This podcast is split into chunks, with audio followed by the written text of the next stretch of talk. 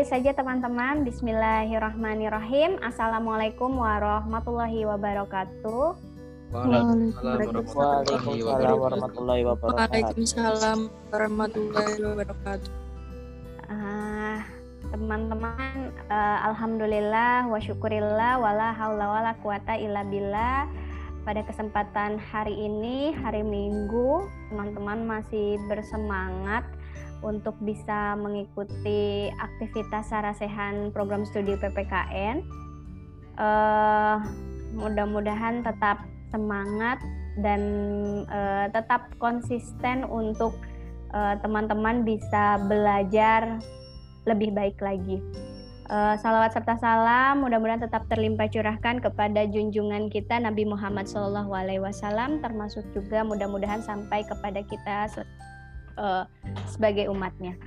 Yang saya hormati Bapak Dikit Bayhaki Arif Magister Pendidikan, Ketua Program Studi Pendidikan Pancasila dan Kewarganegaraan yang saya banggakan dan saya sayangi teman-teman mahasiswa ini angkatan 2019 eh, dan 2020 yang sudah hadir di eh, Sarasehan Program Studi PPKN UAD perlu teman-teman ketahui sengaja kami mengumpulkan teman-teman di sini di Sarasehan ini untuk kita bisa uh, berdiskusi, kita bisa uh, berdialog gitu ya.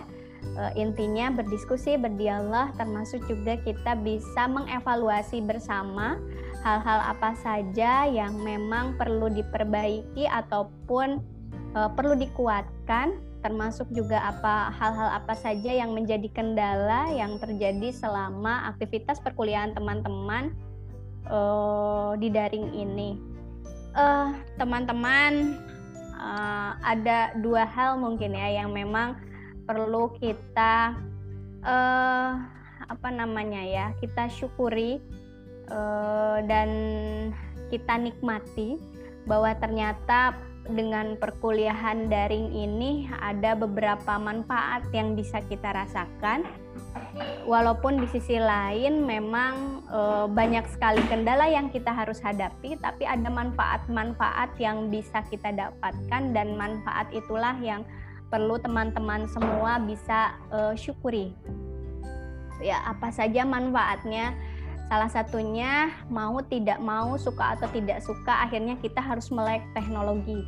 Kita harus bisa memanfaatkan teknologi itu sebaik mungkin. Nah, itulah yang memang e, perlu kita syukuri. Mungkin dulu tidak pernah terpikirkan kita bisa beraktivitas melalui media virtual seperti ini. Saya bisa melihat misalnya di sini ada siapa ya? Ada Mas Rizkon gitu ya melalui media sosial seperti ini uh, apa namanya melalui virtual seperti ini dulu mungkin kita tidak terpikir seperti itu tapi ternyata sekarang akhirnya kita dipaksa untuk bisa dan harus kita tetap syukuri. Nah, itulah yang memang uh, apa uh, utamanya di kegiatan daring tetap bersyukur, tetap menikmati dan alhamdulillah sepanjang uh, apa namanya uh, penglihatan saya alhamdulillah insya Allah kegiatan perkuliahan di semester ini jauh lebih teman eh, teman-teman sudah bisa beradaptasi. Keluh kesah tentang perkuliahan daring mulai agak berkurang walaupun masih banyak yang memang merasakan tidak uh, apa belum bisa beradaptasi tapi sejauh ini mulai berkurang. Nah, tapi uh, kalau angkatan 2020 ini kan dari SMA ya, dari SMA ke uh, apa namanya ke perguruan tinggi baru merasakan apalagi belum pernah bertemu dengan dosennya harus tetap melaksanakan perkuliahan tapi mudah-mudahan kita bisa mengambil hikmah bisa mengambil uh, pelajaran dari proses yang kita lakukan. Nah, itu mungkin pembukaan dari saya sedikit saja. Nanti uh, akan dilanjutkan oleh Pak Kaprodi akan menyampaikan hal-hal yang perlu teman-teman uh, ketahui. Terus kemudian yang nanti mungkin teman-teman juga jika ada yang mau berdiskusi berdialog dipersilahkan. Pak uh, Dikdik Bayi Haki Arif sebagai Ketua Program Studi Pendidikan Pancasila dan Kewarganegaraan saya persilahkan. Baik, terima kasih Bu Sipa. Assalamualaikum warahmatullahi wabarakatuh. Waalaikumsalam warahmatullahi Waalaikumsalam warahmatullahi wabarakatuh. Alhamdulillah. Ahmaduhu wa nasta'inuhu wa nastaghfiruh. Wa na'udzu billahi min syururi anfusina wa min sayyiati a'malina. May yahdihillahu fala mudhillalah wa may yudhlil fala hadiyalah. Asyhadu an la ilaha illallah wahdahu la syarikalah wa asyhadu anna Muhammadan abduhu wa rasuluh alladzi la nabiyya ba'da. Bersyukur kita kehadirat Allah Subhanahu wa taala dengan membaca alhamdulillahirabbil alamin. Bersolawat kita kepada Rasulullah sallallahu alaihi wasallam dengan menyampaikan Allahumma sholli ala Muhammad wa ala alihi wa ashabihi ajmain. Yang kami hormati Bu Sipa, Bapak Ibu dosen lainnya di program studi PPKN, teman-teman mahasiswa angkatan tahun 2019 dan angkatan tahun 2020 yang kami banggakan. Pada siang hari ini kami mengucapkan terima kasih ya atas kesediaan teman-teman semua untuk menghadiri undangan kami. Undangan yang mendadak sebenarnya, tetapi kami lihat di sini partisipasi dari teman-teman semua ini cukup besar ya Eh, sekalipun ini di hari Minggu siang posisi di tempat saya ini cukup panas sekali ya. Uh, mudah-mudahan tempat teman-teman semua tidak terlalu panas ya.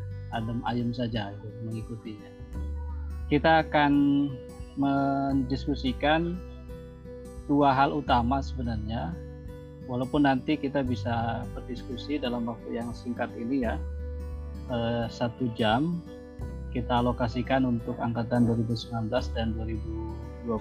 Saya izin uh, share ya. Apa saja yang akan kita diskusikan. Nah, di kegiatan Sarasehan mahasiswa PPKN ini menyongsong UTS semester gasal tahun akademik 2020-2021. Jadi teman-teman, insya Allah ini akan menjadi uh, agenda rutin ya jadi menjelang UTS atau menjelang UAS kita akan selenggarakan eh, sarasehan mahasiswa untuk semua angkatan gitu ya. Seperti kemarin menjelang UAS semester genap 2019-2020 juga sudah kita selenggarakan. Nah, insya Allah ini akan menjadi agenda rutin kita. Kegiatan ini dibagi dua, untuk angkatan 2018, uh, 2019 dan 2020, kemudian nanti angkatan 2017 dan 2018, kemudian diikuti juga oleh angkatan di atasnya yang masih aktif mengikuti kegiatan perkuliahan.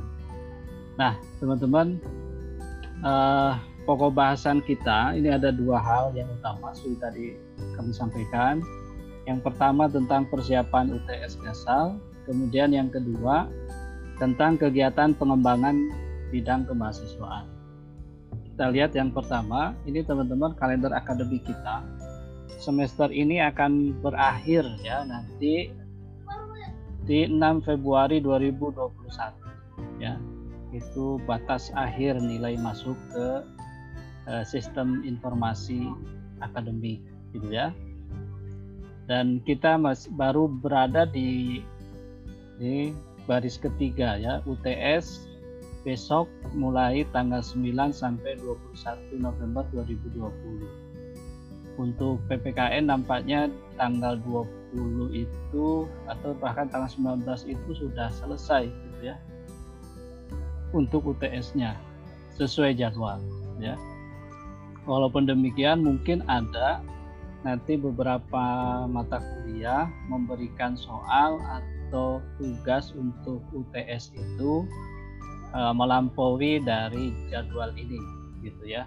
Artinya memberikan waktu kepada teman-teman untuk bisa mengerjakan tugas-tugas itu secara lebih leluasa setelah UTS tidak ada libur gitu ya jadi langsung kita tanggal 23 November itu sudah masuk masa perkuliahan kedua sampai nanti tanggal 9 Januari 2021.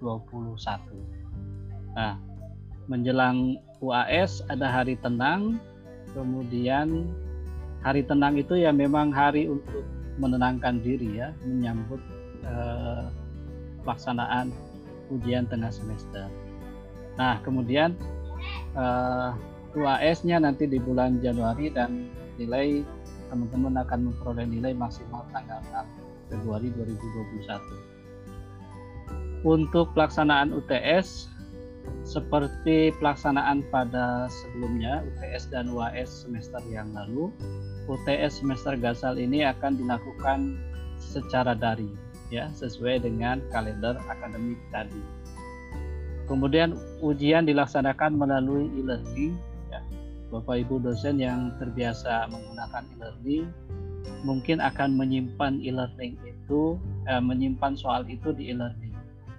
Kemudian yang terbiasa dengan Google Classroom ya akan menyimpannya di Google Classroom.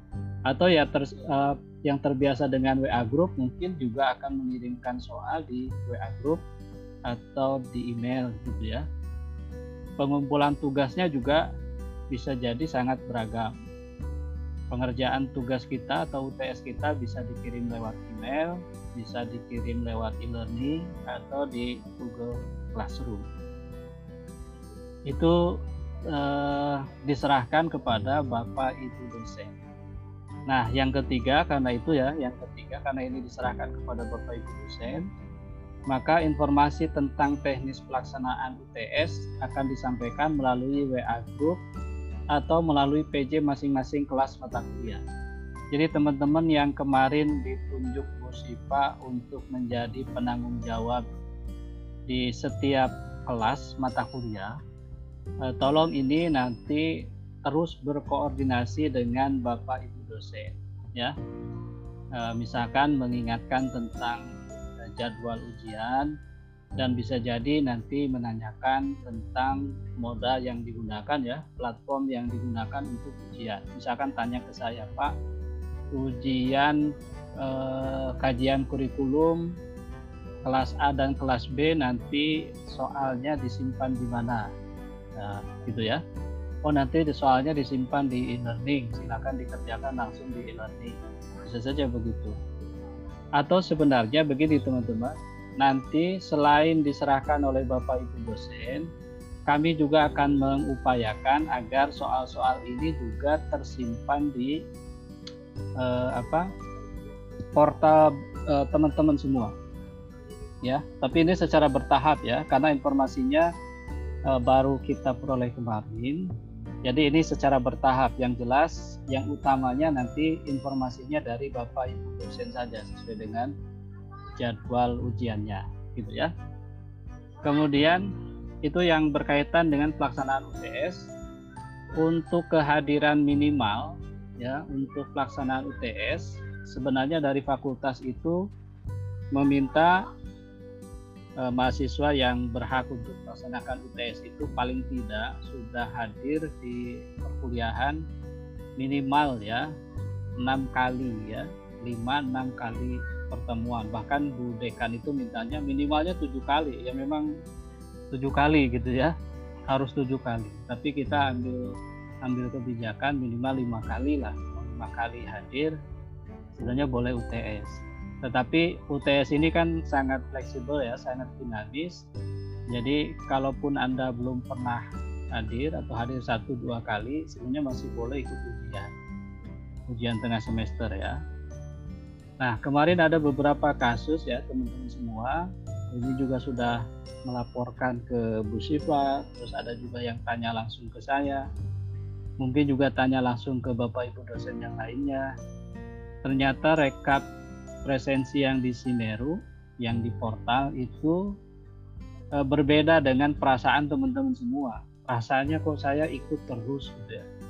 Isi terus presensi kehadiran, tapi ternyata di portal atau di Simeru itu kok ada tidak hadir satu dua kali bahkan saya cek itu ada yang melaporkan sampai tiga empat kali itu tidak hadir rasanya hadir tapi kok tiga sampai empat kali itu tidak tidak masuk di rekam nah di mata kuliah saya saya sampaikan mohon dicermati isian dari teman-teman semua di uh, link yang diberikan setiap minggu dan isian teman-teman di uh, e-learning gitu ya.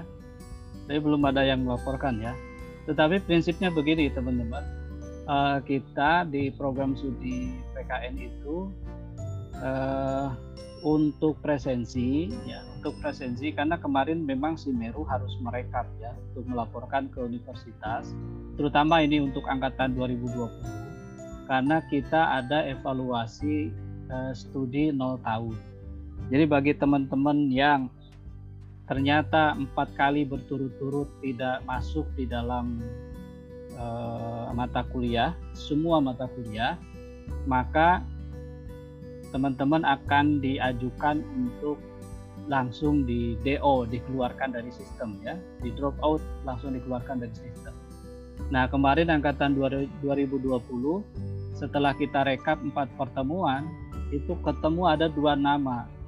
Ada dua nama yang uh, sebenarnya memenuhi kualifikasi untuk di DO yang satu itu setelah kita telusuri memang yang bersangkutan ternyata sudah beralih ke lain hati gitu ya. Pindah tidak lagi di UAD tetapi di tetangganya UAD tapi masih saudara saudara UAD tetapi yang satu lagi informasi dari Bu Siva dan teman-teman semua yang satu lagi itu dia masih aktif di grup grup angkatan 2020 berbagai informasi dia baca gitu ya tetapi tidak merespon. Kuliahnya juga baru satu pertemuan, satu pertemuan, kemudian pertemuan berikutnya nol, ya, tidak hadir. Nah, kami ajukan satu nama, eh, satu nama diajukan ke fakultas, ke universitas untuk dikeluarkan dari sistem. Sementara yang satu lagi yang masih membaca informasi di kemudian eh, sekalipun tidak merespon, ya karena pernah hadir di beberapa mata kuliah kami masih pertahankan gitu ya. Tidak langsung kami eh, apa DO kami sudah WA yang bersangkutan tetapi tidak merespon ya. dibaca tapi tidak dijawab. Dia rasanya Mas Rizwan sudah dibaca itu ya. Dibaca tetapi tidak dijawab. Padahal kita sudah berkenalan. Assalamualaikum Mbak titik-titik ini dengan Pak titik Kaprodi PPKN mohon informasi kelanjutan studi dan sebagainya. Lama kemudian dibaca. Tapi nggak sama sekali dijawab. Iya itu rasanya. Ya. Aduh, sayangnya ya, di sini pak. Ah, ya itulah. Uh, mudah-mudahan hadir nih yang saya WA seperti itu. Bu Siva juga WA uh, ah, tapi ya gitulah tidak direspon ya. Tapi uh, informasi di grup dia masih baca gitu ya. Jual mahal pak itu pak boleh jadi ya. Padahal sebenarnya untuk untuk kepentingan teman-teman semua gitu ya. Dan untuk kepentingan lembaga juga jangan sampai banyak ada di sistem tetapi uh, aktivitasnya tidak ada. Jadi nanti kami tetap harus melaporkan gitu ya. ES uh, 0 tahun masih kami pertahankan tapi kalau misalkan nanti ES 2 tahun ya satu tahun dua tahun masih juga seperti itu ya apa boleh buat itu kita tanya baik-baik tapi tidak merespon ya salam berarti ya. Uh, memang tidak ada uh, niat untuk uh, apa uh, kuliah di kita. Oke itu ya teman-teman ya. Untuk presensi sekarang jangan dulu diambil pusing ya. Insya Allah kami akan berusaha dan dari kami sudah berkomunikasi juga kemarin Bu Siva langsung menemui pihak Simeru uh, menyampaikan problem di mahasiswa PPKN dan nanti akan diberikan solusinya. Intinya mahasiswa insya Allah tidak akan dirugikan gitu ya dari kehadiran itu. Asal jelas bahwa teman-teman memang hadir, jangan perasaan saja. Perasaan saya tuh hadir, tapi begitu dicek eh, ternyata salah mengisi daftar hadir. Harusnya pertemuan kelima, eh keenam masih diisikan pertemuan kelima, ya tidak direkap oleh sistem gitu ya. Ya kesalahannya kesalahan teman-teman semua gitu ya. Oke.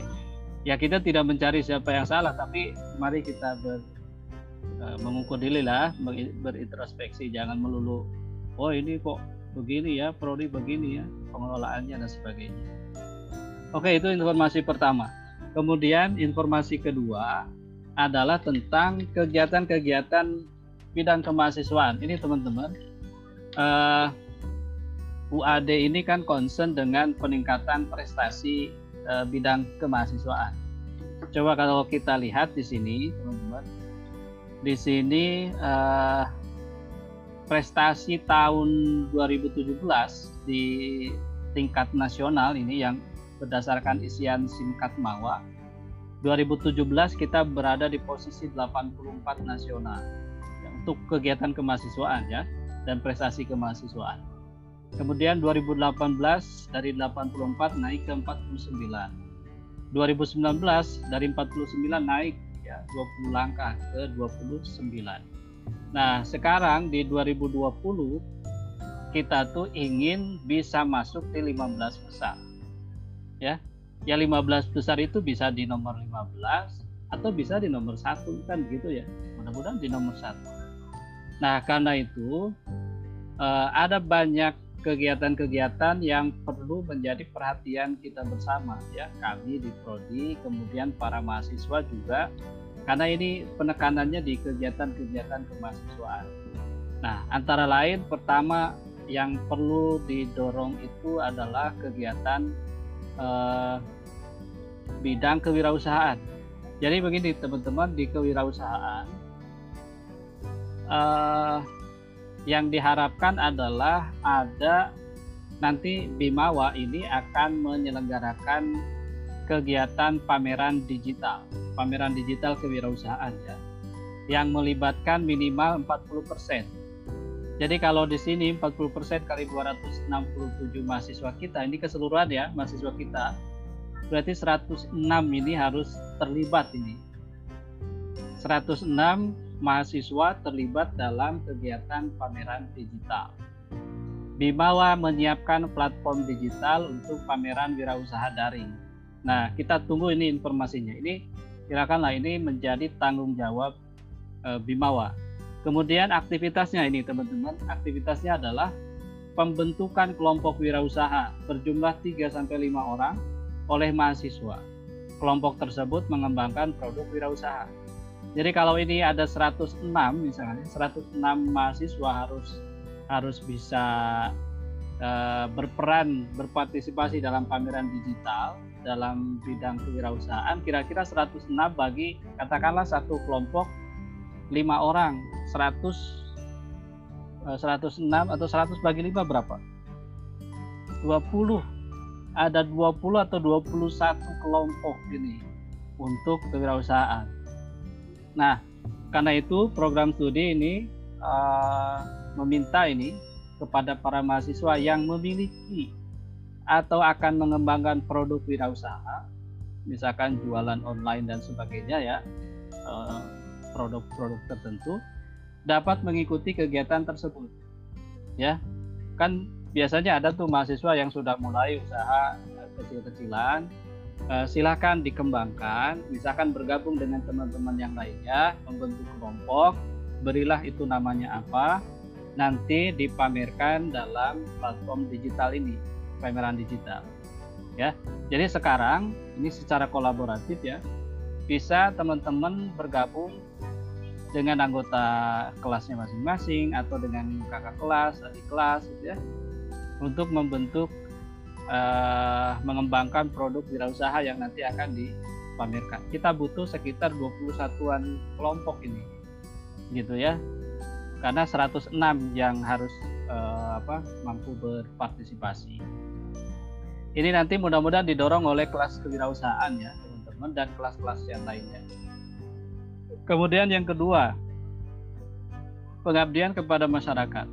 Kegiatan pengabdian atau perilaku ke kecendikiawanan dilaksanakan mahasiswa di, di bawah bimbingan dosen ya. Melibatkan minimal 30% dari student body e, mahasiswa kita. Berarti kan 80 orang ini harus terlibat dalam kegiatan pengabdian. Kegiatan pengabdian dapat berupa pemateri ceramah ya pelatihan atau di sini nih pendampingan belajar di sekitar rumah. Nah, teman-teman kan sekarang bisa nih kalau misalnya teman-teman di lingkungan sekitar rumah eh, apa teman-teman itu ada kelompok-kelompok misalnya Karang Taruna, remaja masjid gitu ya atau anak-anak sekolah yang perlu pendampingan yang perlu penyuluhan, yang perlu pelatihan, itu silakan nanti uh, berkomunikasi dengan program studi. Misalkan diskon di lingkungan saya Pak ada kelompok Karang Taruna dan saya akan mengisi misalkan ada program pelatihan uh, apa namanya bela negara misalkan gitu ya sesuai dengan kita kajian kita. Program pelatihan bela negara untuk Karang Taruna di mana gitu ya.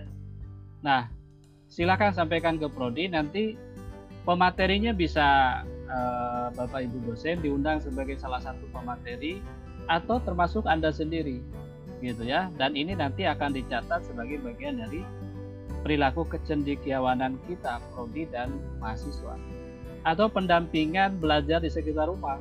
Jadi ada ada misalkan siswa-siswa SD yang sekarang belajar daring. Nah di satu hari tertentu misalkan dalam beberapa waktu uh, Anda tuh me, menyelenggarakan uh, belajar bersama lah kelompok belajar bersama. Mendampingi ya sore hari misalkan mengumpulkan 5-10 orang anak berkumpul misalkan meminjam tempat di mana di sekitaran rumah teman-teman semua terus teman-teman jadi pendamping bagi mereka. Ngajarlah mendampingi. Mendampingi ya nggak harus mengajar tetapi mendampingi anak-anak itu belajar langsung gitu ya. Itu bisa tuh nanti dilaporkan ke program studi saya punya program ini saya punya ini di lingkungan sekitar ada teman-teman dan saya akan mengumpulkan itu. Ya nanti dibuatkan ya apa perlu karena ini yang penting nanti selain prosesnya juga luarannya. Ya luarannya itu ya laporan atau publikasi. Misalkan eh, apa siapa ini Asusta punya ini akan menghimpun teman-teman anak-anak SD SMP berkumpul kemudian sudah dilaksanakan di program berapa pertemuan. Nah nanti lapor prodi prodi akan mempublikasikannya baik di website prodi atau syukur-syukur ya terus di media-media sosial prodi. Syukur-syukur nanti bisa masuk ke uh, media lokal atau media nasional ya.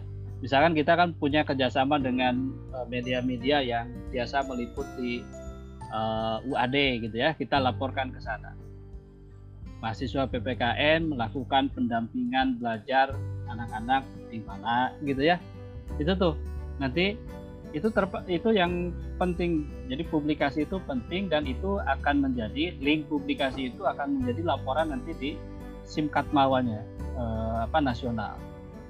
Kemudian kegiatan dapat dikemas dalam bentuk rekognisi satuan kredit semester. Ini masih kita kita rancang ya. Kalau misalkan nanti teman-teman ternyata eh, melakukan peng, pendampingannya itu satu semester penuh, maka mudah-mudahan bisa direkognisi. Misalkan oh ini nanti direkognisi untuk mengganti mata kuliah tertentu ya. Mengganti mata kuliah atau untuk masuk di kegiatan dari mata kuliah tertentu gitu ya.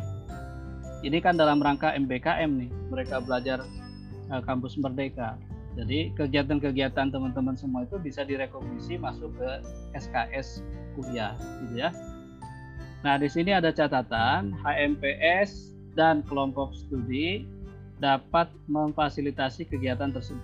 Jadi kalau misalkan tidak perorangan, kelompok studi bisa melakukannya. Misalkan kelompok studi warung kejujuran, kelompok studi eh, apa gerakan mahasiswa anti korupsi, gemari gitu ya, kelompok studi lingkar studi kemahasiswa apa kewarganegaraan, itu bisa misalkan mengemas kegiatan ini. Oh LSK mau mengadakan nih pengabdian berupa pelatihan bagi Karang Taruna Karang Taruna di wilayah Jogja misalkan atau di wilayah mana.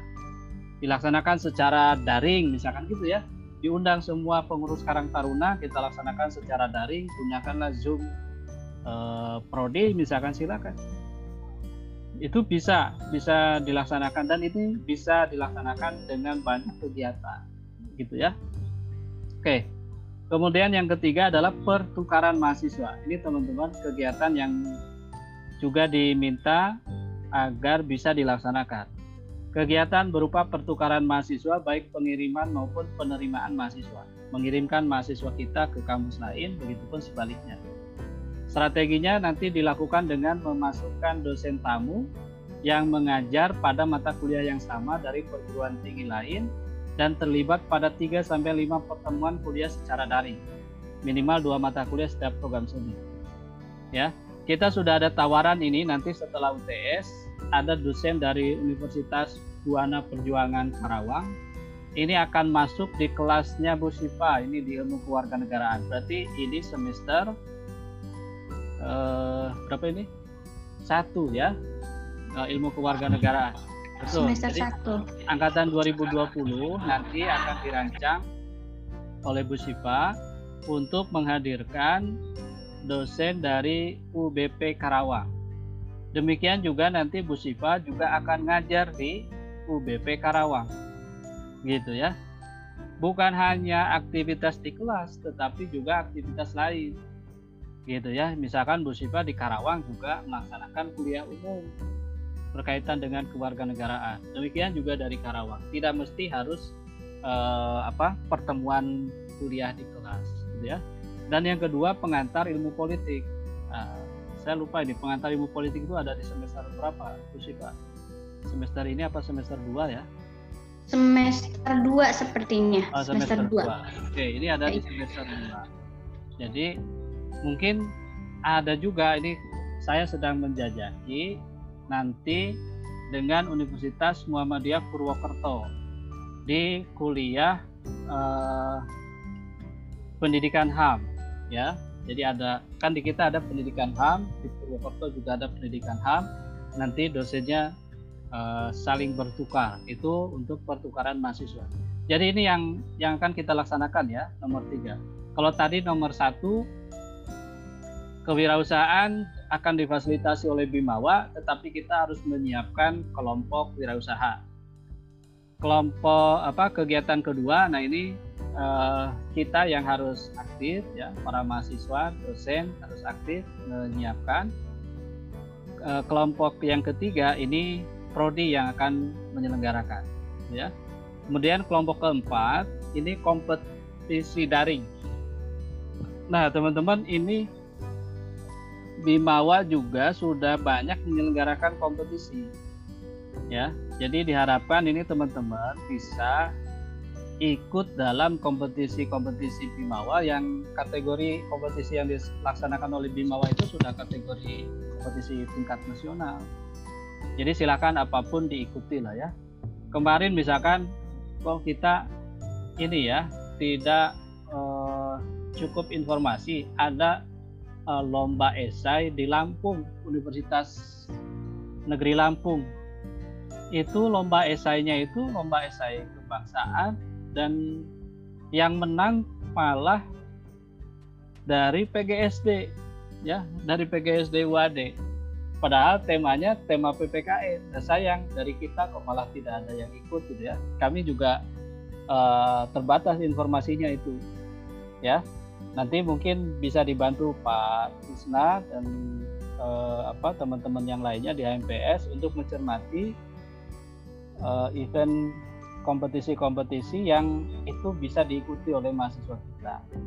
Ya, kegiatan berupa kompetisi daring tingkat nasional dan internasional dengan banyak cabang lomba. Dan kita juga di Prodi juga nanti akan menyelenggarakan beberapa kompetisi. Silakan diikuti mahasiswa diharapkan dapat mengikuti berbagai kompetisi yang ada ya. Oke, termasuk yang kemarin di yang menang juga PG PAUD. PG PAUD itu lom, mengikuti lomba poster nasional. Juara 1 2 3 penyelenggaranya di kampus lain ya, bukan di WADE, tapi yang menang dari WADE semua, juara 1 2 3 dan uh, PAUD prodi PAUD. Ya. Mudah-mudahan nanti yang juara itu ya prodi PPKN setiap kegiatan juara satu dua tiga di antara itu ada selalu PPKI.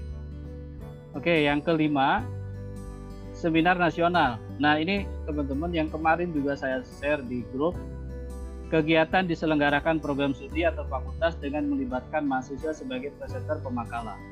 Jadi prodi punya kegiatan rutin ini teman-teman. kegiatan rutin prodi untuk seminar adalah seminar nasional kewarganegaraan. Tahun ini adalah yang uh, ketiga, ya seminar nasional kewarganegaraan ketiga. Uh, kita belum merancang nanti waktunya kapan, tapi karena ini diminta oleh Pak Rektor itu paling maksimal Desember, ya maksimal ini Oktober kegiatan Oktober sampai Desember 2020. Jadi kemungkinan uh, ini tidak uh, apa teman-teman tidak mengikuti seminar nasional kewarganegaraan. Berarti harus mengikuti seminar di luar prodi sendiri. Gitu ya.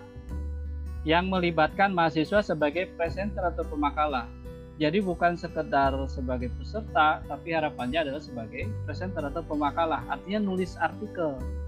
Ya, artikel nanti ditulis bersama misalkan antara mahasiswa dengan dosen gitu ya nanti yang mengirimkan bisa dosen tapi ada nama mahasiswa atau sebaliknya yang mengirimkan bisa mahasiswa nah karena prodi untuk waktu dekat ini belum akan menyelenggarakan seminar maka teman-teman bisa mengikuti kegiatan seminar artinya sebagai pemakalah ya di luar kegiatan prodi Misalnya di sini, Bimawa ini telah menyiapkan namanya forum konferensi seminar mahasiswa.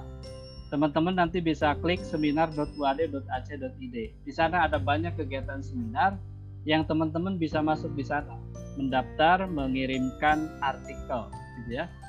Artikelnya seperti apa ya? Nanti bisa mengikuti template yang disediakan oleh penyelenggara seminar. Setiap program studi dapat mengirimkan minimal 20 artikel karya mahasiswa dan dosen. Ya, kalau 2020 dan 2019 ini masing-masing mahasiswa misalkan punya gagasan satu saja itu sudah lebih dari 20 artikel. Atau mahasiswa bergabung bentuk kelompok dua orang, masing-masing dua orang, nanti ditambah dosen satu orang, itu sudah sudah juga bisa lebih dari 20 artikel. Gitu ya. Ini yang diharapkan. Jadi bukan sekedar sebagai peserta, nanti di sertifikatnya bukan sebagai peserta, tapi sebagai pemakalah, gitu ya. Nah, teman-teman ini mohon selalu mengunjungi uh, websitenya Bimawa, bimawa.uad.acid, karena di sini uh, di bagian ini nih, bagian informasi, ini ada banyak informasi baik tentang kompetisi, kemudian pelatihan, seminar, gitu ya workshop dan sebagainya yang bisa diikuti oleh teman-teman semua. Ya, ini misalkan gambaran kalau nanti teman-teman berhasil mengikuti kompetisi, workshop dan sebagainya, ini ada penghargaan. Ini tahun kemarin nih, tahun 2020 ini ya, sebelum Covid ini. 29 Februari 2020 kita ada Wade Award tahun 2020. Ini mahasiswa kita nih, eh, Mas Iksadar tapi Mas, Mas Iksadar waktu itu tampil di depan itu bukan atas nama mahasiswa prodi, tetapi uh, sebagai pengurus BEM uh, fakultas, gitu ya, sebagai pengurus BEM fakultas. Kemudian yang naik ke panggung itu satu lagi Mas Singgi, uh, Mas Ratno Singgi. Nah kalau itu baru mewakili prodi dan itu hanya satu, ya mewakili prodi itu pun di bidang olahraga. Nah, harapannya nanti di Februari 2021 yang naik ke panggung ini nanti didominasi oleh mahasiswa PPKN. Prestasi bidang apa pun ada mahasiswa PPKN. Gitu ya, harapannya begitu. Amin, Pak, amin. Nah, gitu ya, kita aminkan bersama ini. Ya.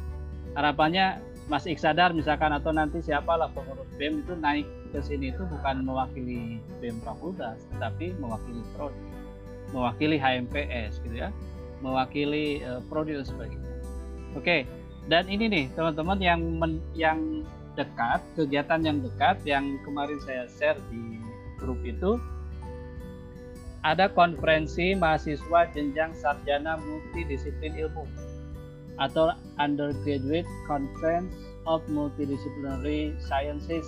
Ini namanya UCMS ya UCMS ini nama kegiatannya ini akan dilaksanakan 10 Desember 2020 dan inilah yang uh, kami harapkan uh, di masa sekarang ini teman-teman bisa menulis artikel dengan dibimbing oleh Bapak Ibu dosen. Silakan boleh sendiri ya sebagai penulis tunggal, boleh membentuk kelompok. Kemarin ada eh, mahasiswa yang rencana akan membentuk kelompok dan kelompoknya juga tidak teman sekelas tapi beda angkatan. Ya, akan menulis satu artikel yang nanti akan dikirimkan ke sini. Ya.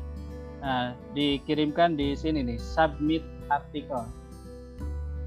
Karena sistemnya sudah sistem OJS seperti kita mengirimkan jurnal. Ya. Template-nya kalau nggak salah sudah juga kami kirimkan di grup itu ya. Ini informasinya klik juga di Bimawa. Nanti klik di sini ya. Uh, ini PPT-nya nanti saya kirimkan. Ini, jadi teman-teman diharapkan, terutama yang ini, karena UAD itu sekarang butuh banyak sekali artikel dan nanti ini akan terbit di proceeding, ya, di proceeding secara online, ya. Uh, apa itu proceeding? Kumpulan artikel yang dipresentasikan di seminar akan dipilih artikel yang terbaik dan akan dipilih presenter yang terbaik. Siapa tahu kan kita mudah-mudahan dari kita justru artikel terbaik dari PPKN, presenter terbaik juga dari PPKN. Gitu ya. Best uh, presenter dan best paper nanti akan dipilih seperti itu. Ya. Oke, ini 5 Desember kalau tidak salah. 5 Desember 2020 itu batas akhir mengirimkan artikel. Artikelnya tidak panjang-panjang, 4 sampai 6 halaman saja. All in dari judul sampai daftar pustaka itu 4 sampai 6 halaman. Jadi silakan kalau teman-teman punya gagasan, saya ingin nulis ini gitu ya. Tulis saja. Tidak harus uh, berbasis pada penelitian ya. Ini jadi jadi uh, karya pemikiran juga diperbolehkan silakan. Nah, kemudian ini saya jadi endorse untuk HMPS ini ya. Nanti malam ada Pera sharing ya. Pukul 19.30. Nah, tolong diikuti. Mas Dadang sama Mas Yasir yang jadi narasumbernya. Kemudian nanti 22 November ada webinar nasional media pembelajaran HMPS PPKN. Ini juga tolong diikuti ya, disemarakan gitu ya kegiatan yang diselenggarakan oleh teman-teman di eh, HMPS. Itu saya kira teman-teman semua uh, Bapak Ibu dosen yang hadir tentang beberapa kegiatan berkaitan dengan UTS dan uh, kegiatan pengembangan kemahasiswaan tingkat Universitas Ahmad Dahlan khususnya untuk tingkat program studi PPKN. Barangkali ada hal yang perlu didiskusikan, eh, disilakan. Kita masih ada 15 menitan lagi, ya. Eh, saya kembalikan yes. ke Bu Siva. Oke, terima kasih Pak Dik Dik uh, untuk berbagai macam informasi yang sebentar ya saya berikan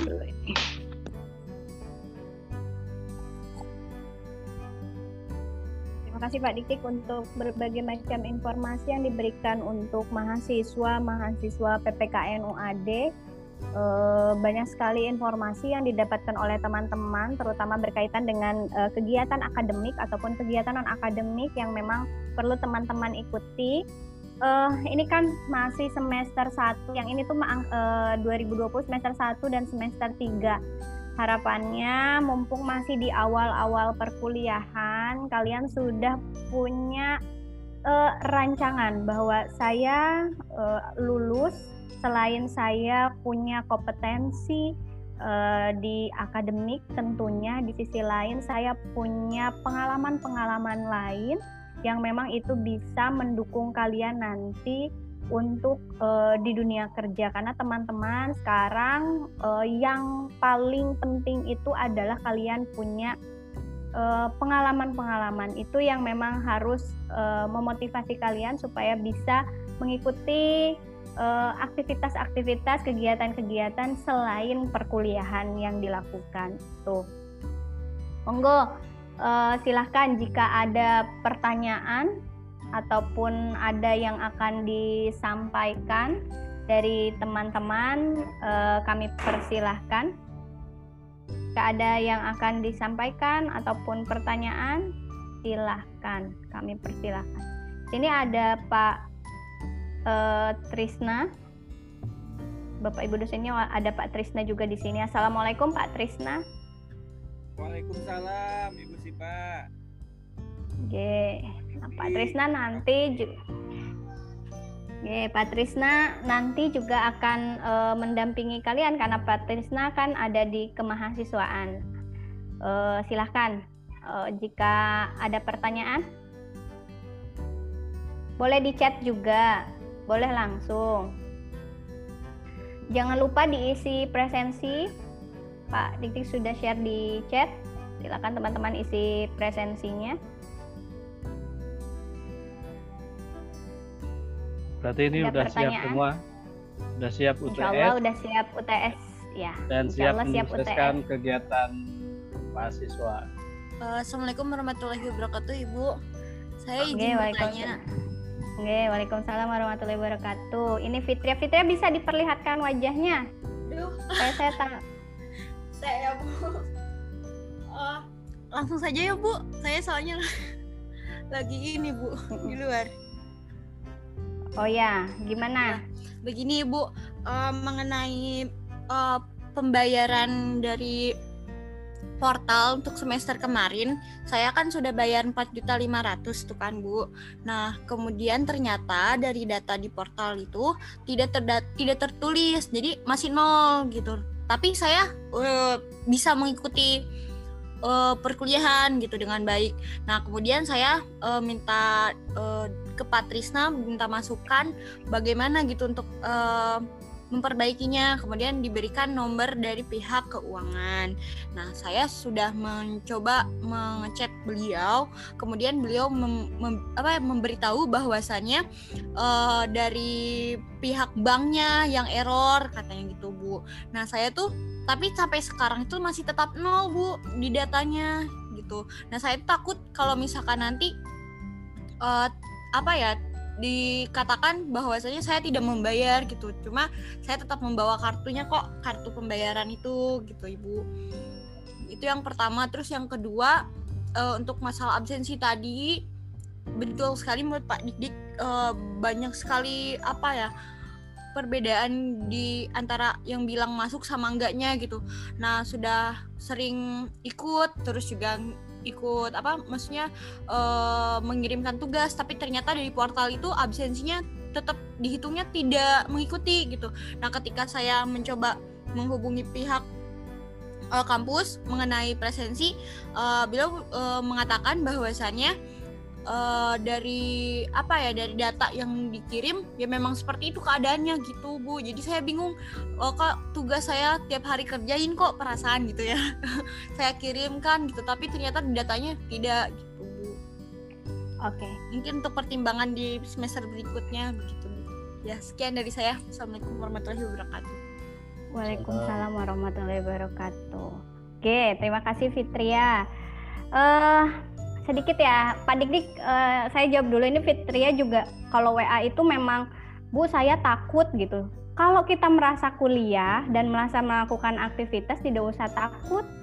Kalau misalnya eh, sudah bayar juga nggak usah takut gitu. Takut itu hanya sama Allah. Jangan takut dianggap nggak bayar dan takut nggak dianggap kuliah. Kalau kuliah ya tenang aja, santai aja kalau merasa kuliah satu itu.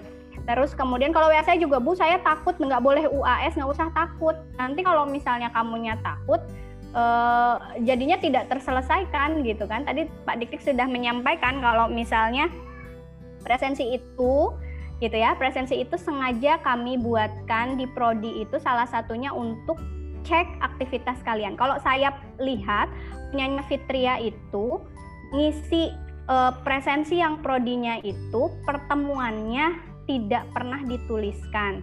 Kadang-kadang eh, sudah pertemuan 4, nulisnya pertemuan 3. Kalau saya cek ya.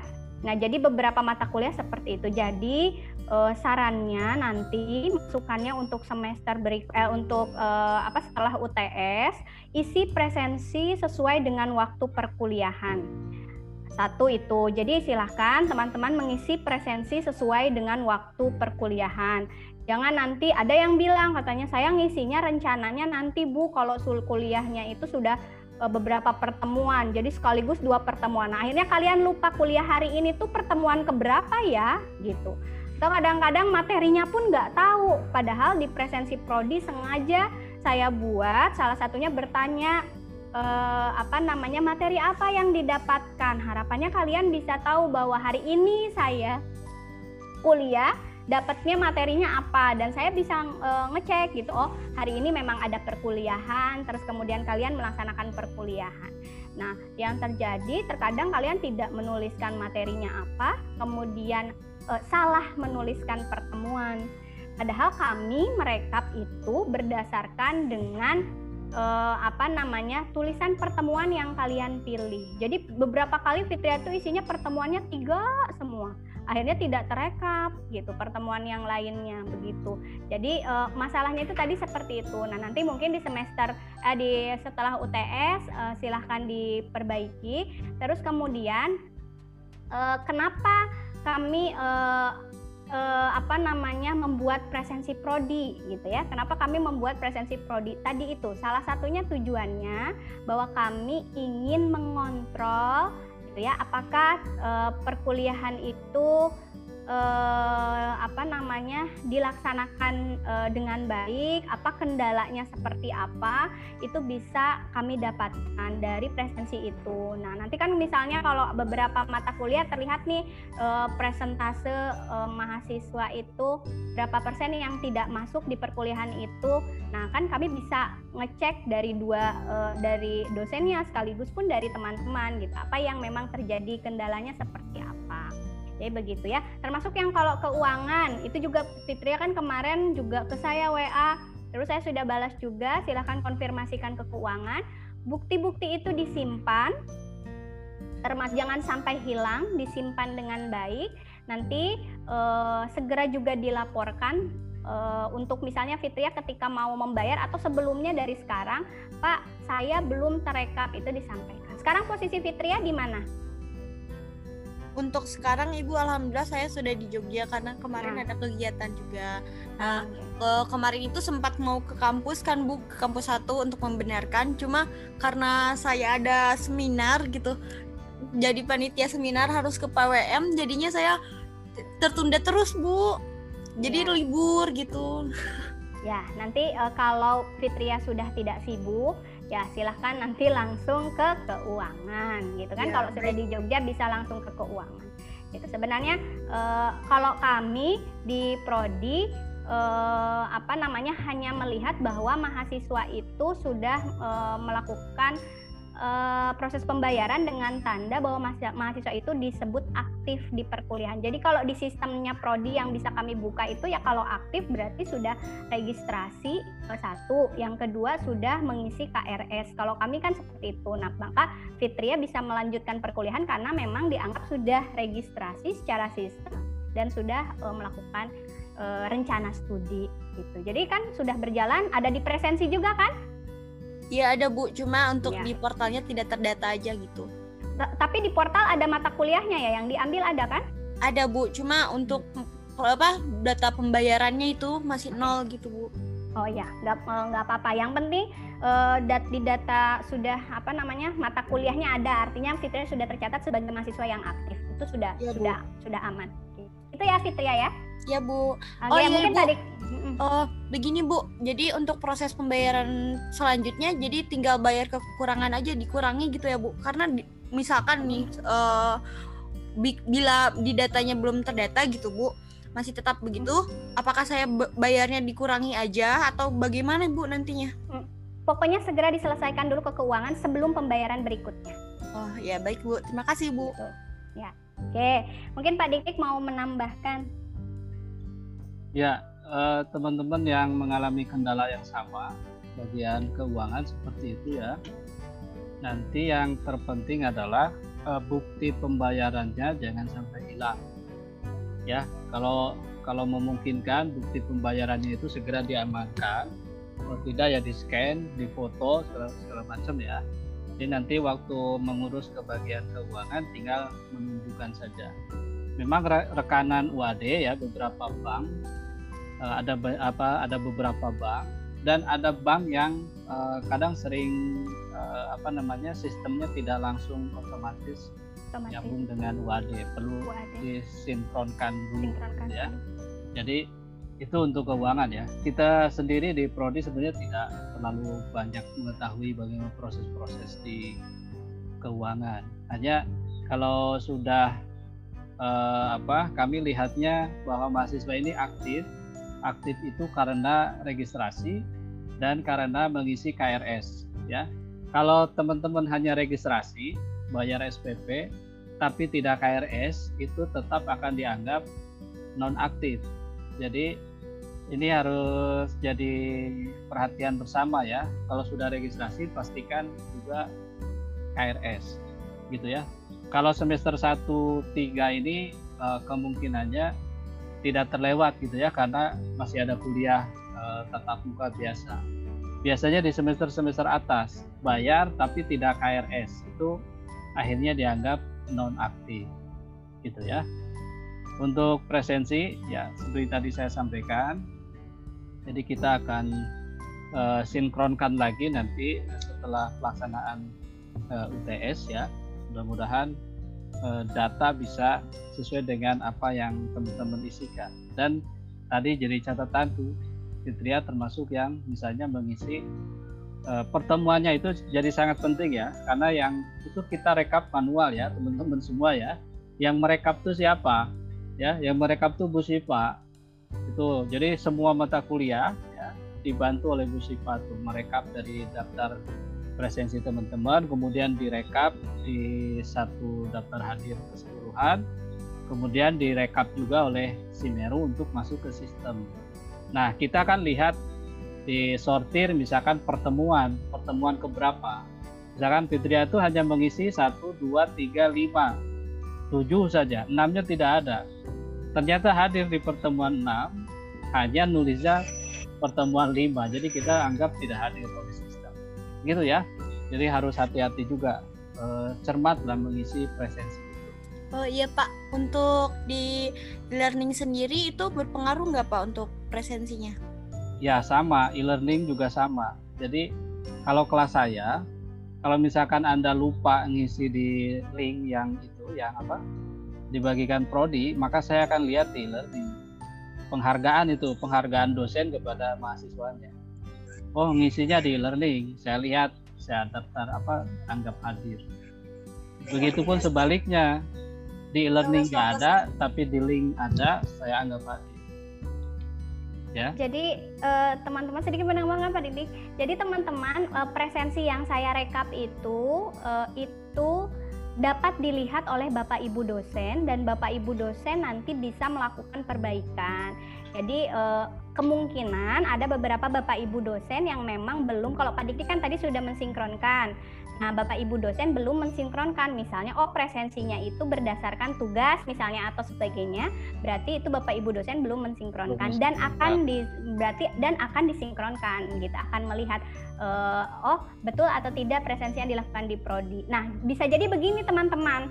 Misalnya kalian isi nih presensi prodi rajin sampai pertemuan 14 rajin, tapi ketika Bapak Ibu dosen menganggap bahwa teman-teman tidak melakukan aktivitas perkuliahan, bisa jadi tidak jadi hadir gitu. Karena uh, uh, apa namanya yang tahu di dalam kelas kan tetap bapak ibu dosen gitu ya. Yang tahu di dalam kelas. Kalau saya nanti hanya merekap uh, betul aktivitas yang terjadi di dalam kelas itu bagaimana secara umum gitu kan. Kalau saya hanya merekap seperti itu.